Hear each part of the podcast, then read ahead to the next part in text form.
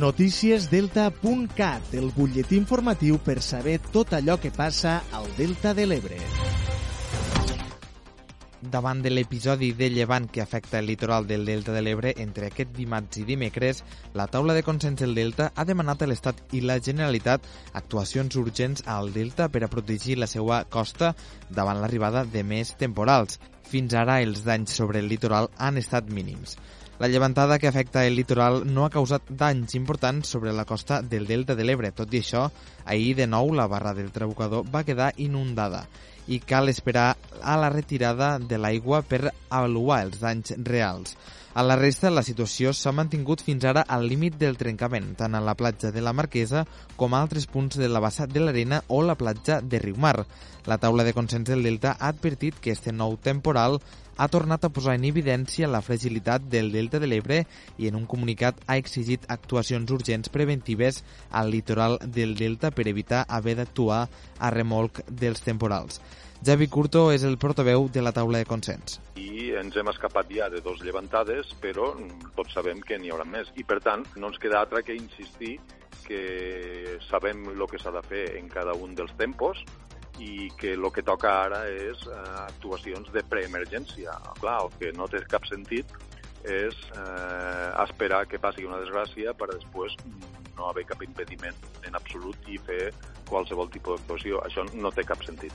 En concret, des de la taula exigeixen que es realitzi l'actuació de mobilització de sorres prevista per costes de l'Estat i ha demanat a l'Estat i Generalitat que es posen d'acord per actuar d'immediat.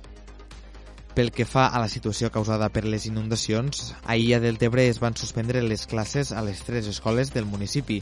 La gran quantitat de pluja caiguda va col·lapsar els sistemes de drenatge i es va inundar carrers, baixos d'habitatges i també equipaments municipals.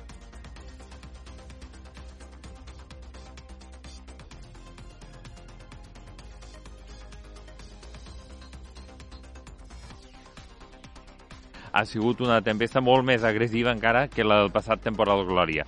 Una tempesta eh, que ha superat los 100 los 130 eh, litres per metre eh, quadrat i, i que en tot cas ha sigut una tempesta pues, que ha provocat moltíssims anys eh, d'inundacions a vials públics que hem tingut que tallar, però sobretot a cases, a habitatges particulars, a persones que eh, no tenen cap culpa, no? pues que el sistema hidràulic del, del Delta, que el sistema hidràulic en aquest cas del municipi del Tebre, tingui aquestes condicions infrahumanes i no estigui preparat eh, per a eh, poder afrontar pues, tota aquesta emergència climàtica que estem vivint.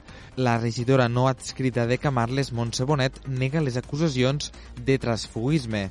La regidora no adscrita a l'Ajuntament de Camarles, Montse Bonet, ha fet públic un comunicat explicant quina és la seva situació actual al govern municipal de Camarles i ha negat les acusacions de transfugisme fetes pel grup municipal d'Esquerra Republicana.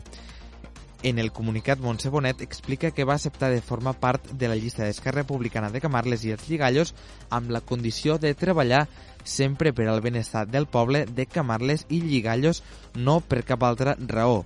Bonet explica que, fruit de l'acord de govern entre Esquerra Republicana i la veu del poble, es va pactar que els dos primers anys governaria Esquerra Republicana de Camarles i Lligallos i el tercer any entraria a governar la veu del poble. D'acord amb aquest pacte de govern, el 27 de juny de 2019, Antoni Navarro ja com a alcalde va delegar a Bonet les següents competències. Regidoria de Comunicació, Transparència, Promoció Econòmica i Participació Ciutadana, i així com la segona tinença d'alcaldia. I ja sabeu que podeu continuar informats a través del portal delta.cat.